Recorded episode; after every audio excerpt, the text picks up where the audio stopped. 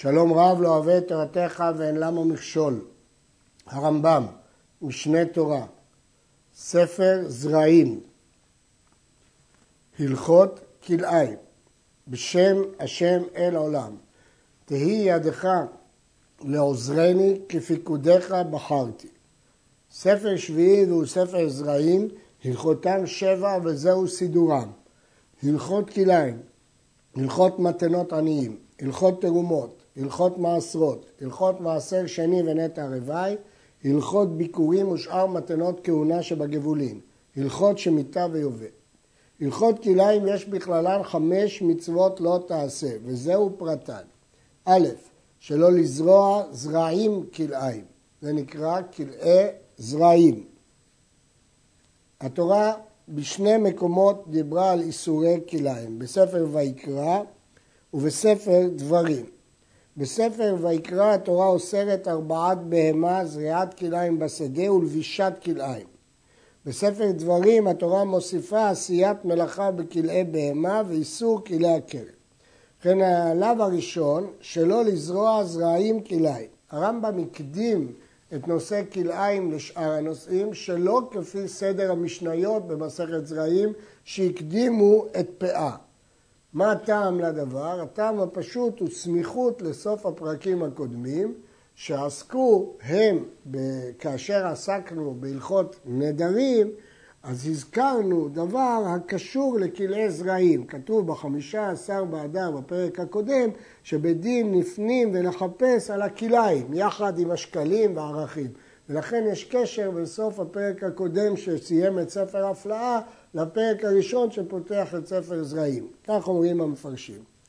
הרב רבינוביץ' נחום בספרו יד פשוטה מבאר שטעם הדבר שהסדר הטבעי שקודם אדם זורע, אחר כך יש לו גידולים, ולכן קודם צריך לדבר על הזריעה עצמה. א', שלא לזרוע זרעים כלאיים. כתוב בתורה, שדך לא תזרע כלאיים. אלו כלי זרעים. המצווה השנייה, ב', שלא לזרוע תבואה או ירק בכרם. אלה כלאי הכרם. כלאי הכרם דינם שונים מכלאי זרעים, בכמה וכמה דברים מהותיים, ונלמד אותם בהמשך. ג', שלא להרביע בהמה כלאיים. המצוות לא תעשה, כתובה בתורה, בהמתך לא תרביע כלאיים. מצווה ד' שלא לעשות מלאכה בכלאי בהמה כאחד. כתוב לא תחרוש בשור וחמור יחדיו. ה' שלא ללבוש כלאיים. כתוב לא תלבש שעטנז וכלאי בגדים היא המצווה החמישית. אם כן, יש כאן חמש מצוות לא תעשה.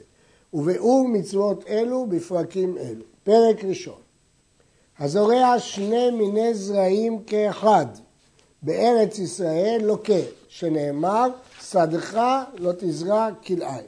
ובכן, מהו האיסור של כלאיים? לזרוע שני זרעים יחד, ממינים שונים. זאת דעת תנא קמא, וכך פסק הרמב"ם. רבי יהודה חולק ודורש שני חיטים ושעורה, או חיטה ושני שעורים, או חיטה ושעורה וכוסמת. אבל אין הלכה כמוהו, אלא הרמב"ם פוסק שמספיק שני מינים כדי להתחייב. הרמב"ם גם לא הזכיר שצריך במפולת יד, כלומר להפיל את שני הזרעים יחד. אפילו אם לא כך, הוא עובר על כלאי זרעים. אבל דווקא בארץ ישראל. מדוע? מכיוון שנאמר שדך, זה דווקא בארץ ישראל. ואחד הזורע, או המנקש, המנקש ניקוי עיקרי הצמח, כך מפרש הרמב"ם בפירוש המשניות, המסלק קליפים הצומחים סביב עיקרי הזרע, זה נקרא מנקש. או המחפה, מחפה, פירוש שהוא שם עפר על הזרעים.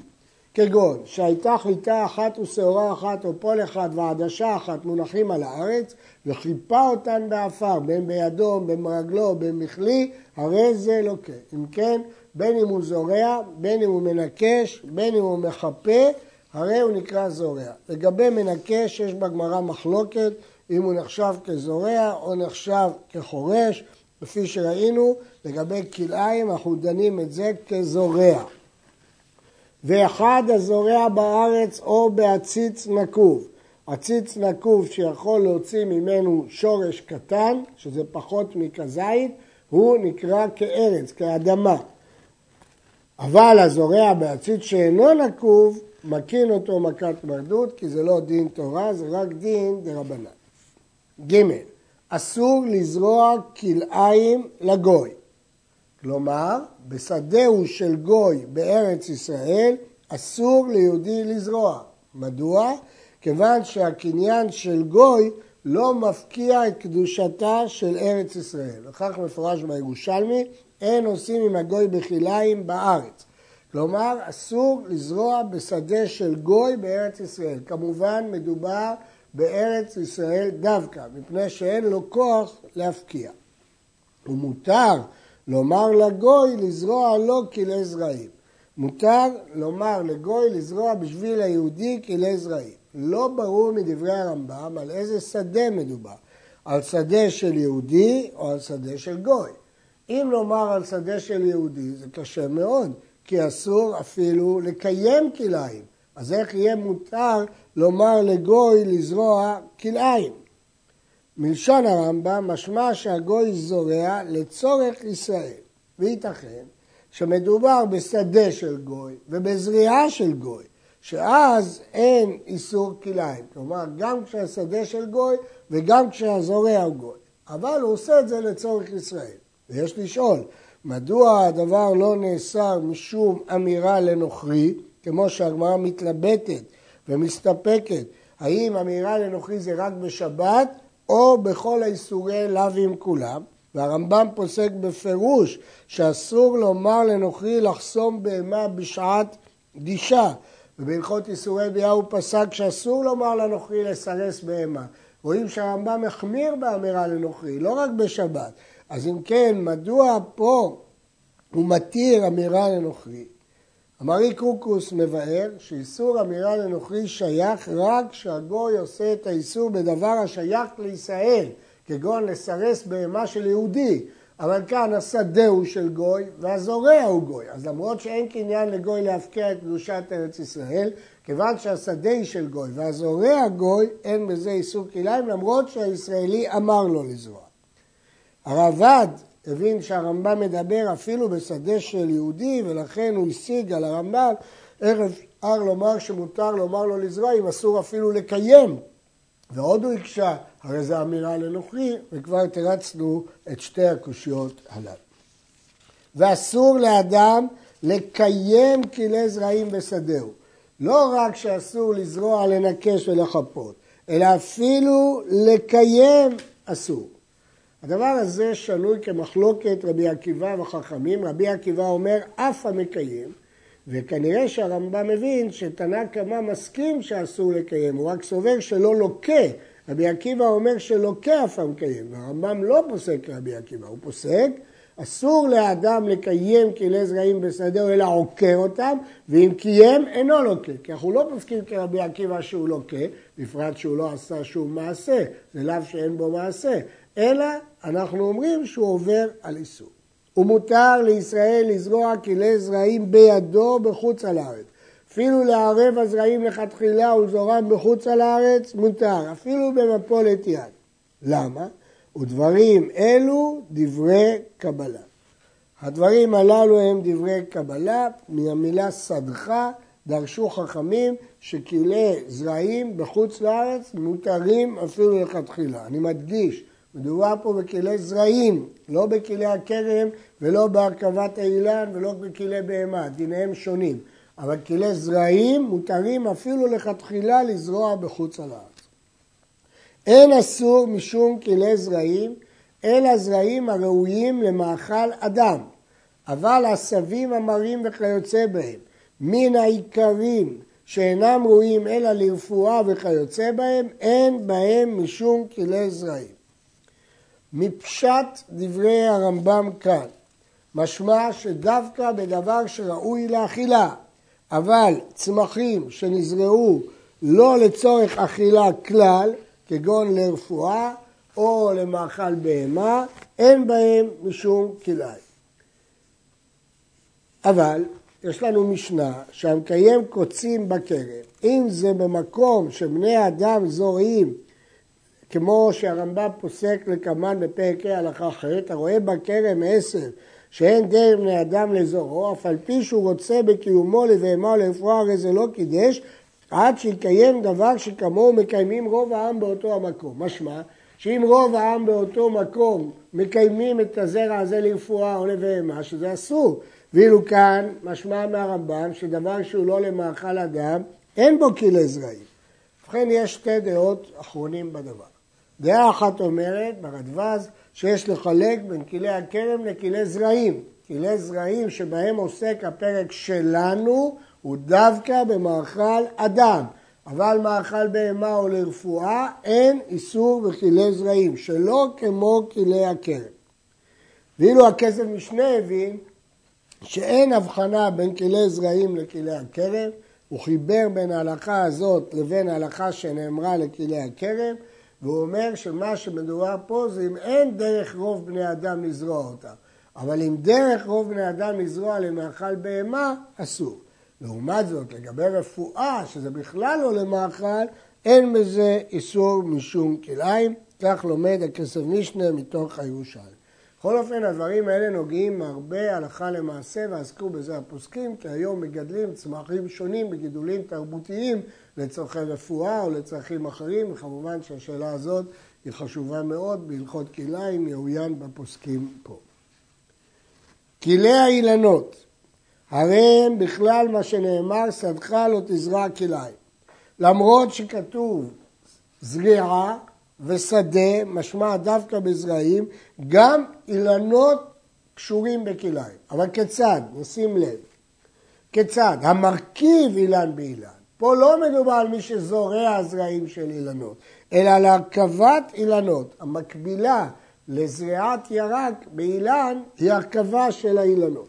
כגון שהרכיב ייחור של תפוח באתרוג, או אתרוג בתפוח. הרכבה פירושה שעושים חתך בסוג אחד ומרכיבים עליו איחור מסוג אחר.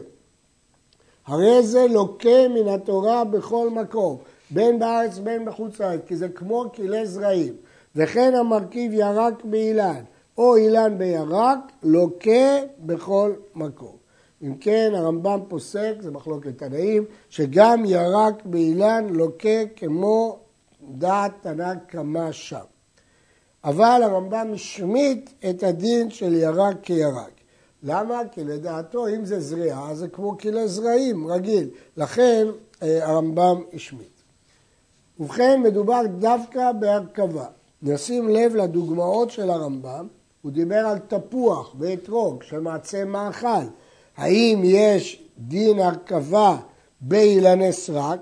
הרמב"ם לא הזכיר, רק אילן מאכל. הוא לא כתב שיש איסור גם באילן סרק, אבל בספרה פה נאמר, ובירושלמי, שגם אין מרכיבים עץ סרק על גבי עץ מאכל, וזה מאוד מאוד מצוי, כי רוצים עץ סרק הוא בדרך כלל יותר חזק, ורוצים לחזק עצי מאכל, מרכיבים להם עצי סרק. בירושלמי משמע שאסור, וכן פסק בשולחן ערוך יורד דעה רש צדיקי. ברמב"ם הדברים לא מפורשים, אבל כפי שאמרנו, הדוגמאות של הרמב"ם דווקא תפוח, אתרוג עצי מאכל. הרמב"ם מוסיף, ואסור לישראל להניח הגוי שירכיב לו אילנו כלאיים. הרכבת האילן נאסרה גם על הגויים. הרמב"ם פוסק בהלכות מלכים, מפי הקבלה בני נוח אסורים בהרבעת בהמה ובהרכבת אילן. זה דין בדיני קבלה. ודברים אלו דברי קבלה הם דברי מסורת, שגם על הגויים נאסרה הרכבת אילן.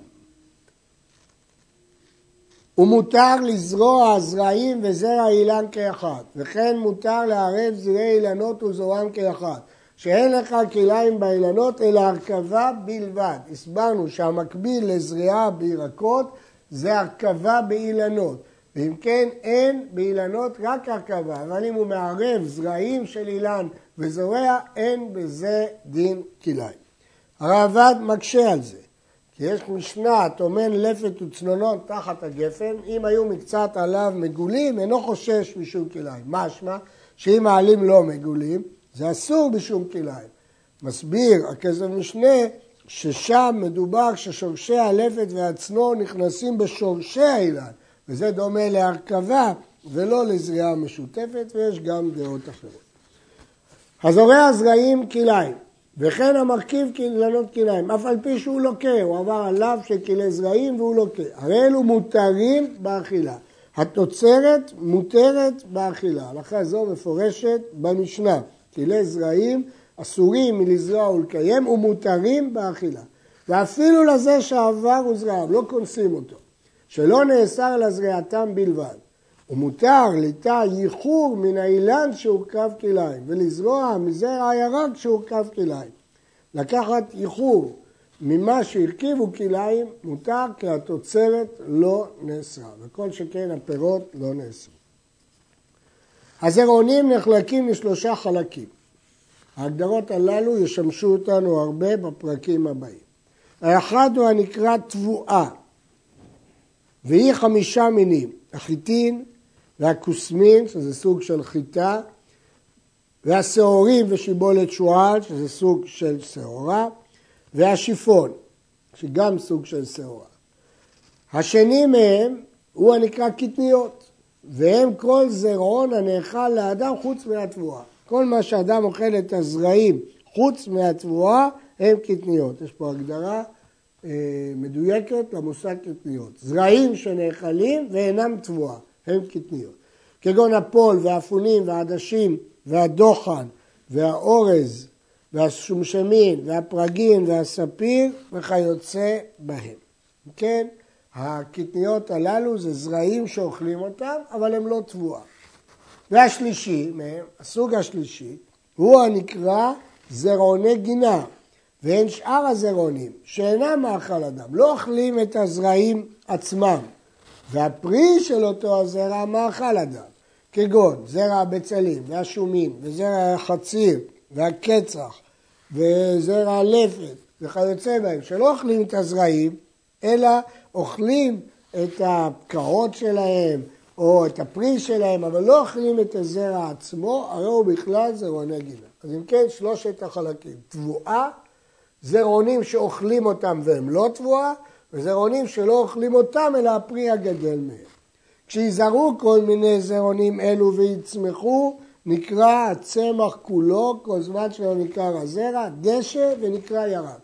הירק שגדל מתוך הזרעים הללו נקרא דשא וירק.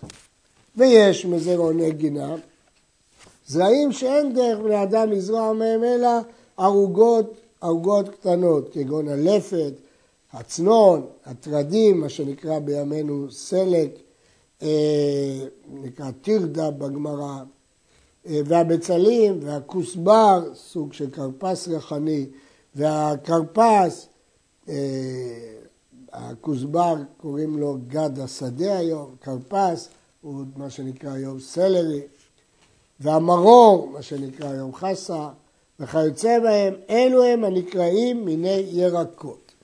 עכשיו, בתוך זרעוני גינה חילקנו את זה לשניים, אם זורים שדות שלמות או אם זורים ערוגות. כל הדברים הללו יהיו משמעותיים בפרקים הבאים שנלמד. עד כאן.